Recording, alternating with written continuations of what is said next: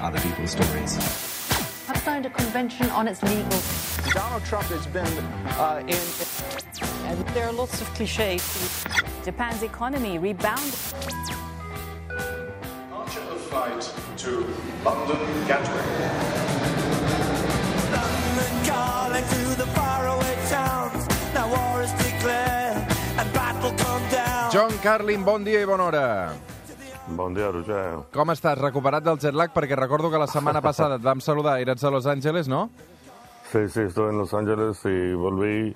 Bueno, estoy medio recuperado. Es que esto de ir tres o cuatro días a un lugar que está a ocho horas de diferencia y volver así tan pronto ah, es difícil. Pero bueno, eh, me, estoy, me estoy acoplando al mundo real otra vez, sí, europeo. Ja et pots preparar perquè aquesta nit hi torna a haver canvi d'horari, que suposo que també us afecta a vosaltres, no? Allò de que... También, sí, sí, para, para, para acabar de, de molestar con el tema del jet lag. Sí, sí, nos, nos- afortunadamente todos lo hacemos al mismo tiempo en Europa, parece, sí.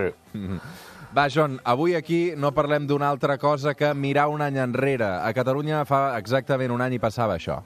27 d'octubre del 2017, constituïda la República Catalana com a estat independent i sobirà, de dret democràtic i social, amb la majoria del Parlament de Catalunya d'empeus. Recordes aquest moment, John? Tu on eres?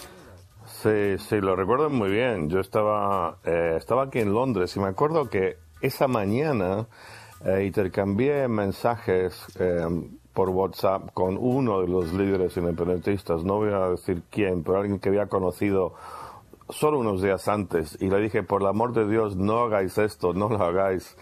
Y por fin eh, lo hicieron. Pero mira, hay, hay un- un- una observación que quiero hacer sobre esto, Roger, que, mira, si, si haces una declaración de independencia y vas en serio, si vas en serio, lo que haces es que primero eh, los mozos de, escuadro, de escuadra se convierten en el nuevo ejército revolucionario independiente republicano catalán. Eh, a ellos se suman grupos eh, paramilitares armados organizados. Detienes a los jefes de la Policía Nacional, Guardia Civil, militares en Cataluña.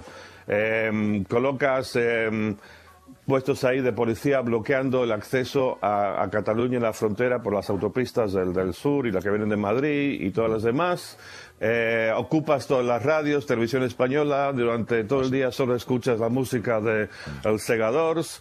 Però això és un cop Em, d'estat, això sí que és un cop d'estat. Sí, bueno, lo haces de verdad. Y va- vas, a, vas al aeropuerto y, y quitas a los policías nacionales o les obligas a que, no sé, que se pongan una banderita eh, independiente catalana y, y ahí todo cambia y, y cambiamos las reglas de admisión de gente al país y españoles no entran, qué sé yo. O sea, si lo vas a hacer, hazlo de verdad.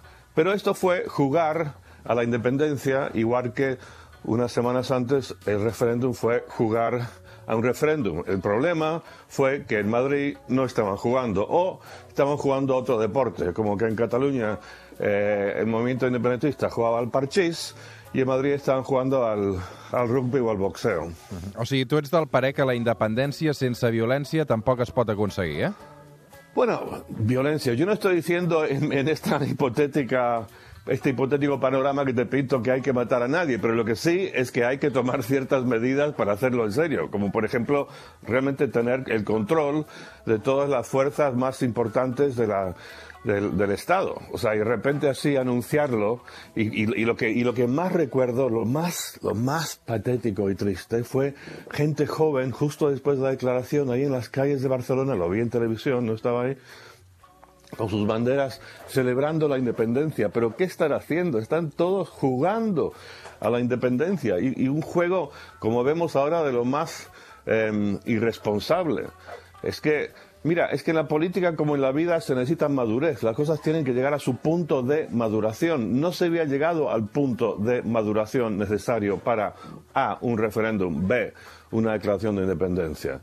Eh, y me parece todo de, de una irresponsabilidad, un infantilismo y, y, claro, en, en- en- en Madrid tenían la opción de responder precisamente en el mismo plan, que esto es un juego y tomárselo con un cierto sentido del humor, pero claro, no pudieron, no pudieron reprimir porque el gustito que a ciertos sectores del Estado español les dio meter a esta gente en la cárcel e implementar el artículo 155 era algo, una tentación imposible de resistir.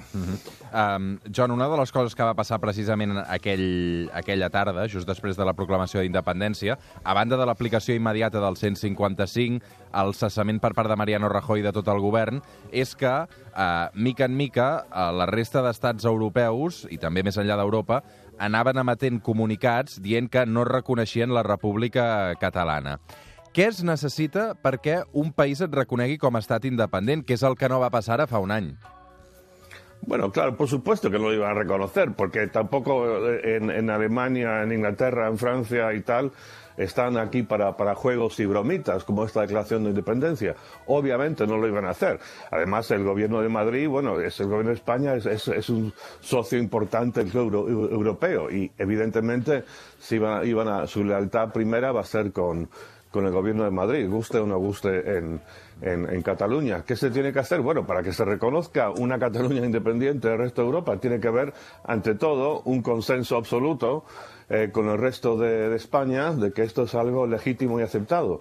La única forma que a mí se me ocurre hacerlo es a través de un referéndum, un referéndum pactado en el que todos están de acuerdo, como el escocés, que si se llega a determinar por una mayoría que va a haber independencia, que se respeta, entonces ahí sí, ahí sí, se pueden montar las bases para que Cataluña eh, tenga respaldo de la Unión Europea y, y siga siendo parte de, de, la Unión, igual que hubiera ocurrido con Escocia en el caso de que los escoceses hubieran votado hace unos años por la independencia.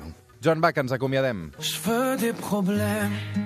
Això que sona és Long Temps, és d'un cantant que es diu Amir, en aquest cas ara es eh, sona sovint a les ràdios belgues i és que, evidentment, des de fa un any mirem molt, molt cap a Bèlgica perquè precisament pocs dies després d'aquesta declaració bona part del govern va marxar cap allà, l'altra, ho saps de sobres, és, eh, és a la presó.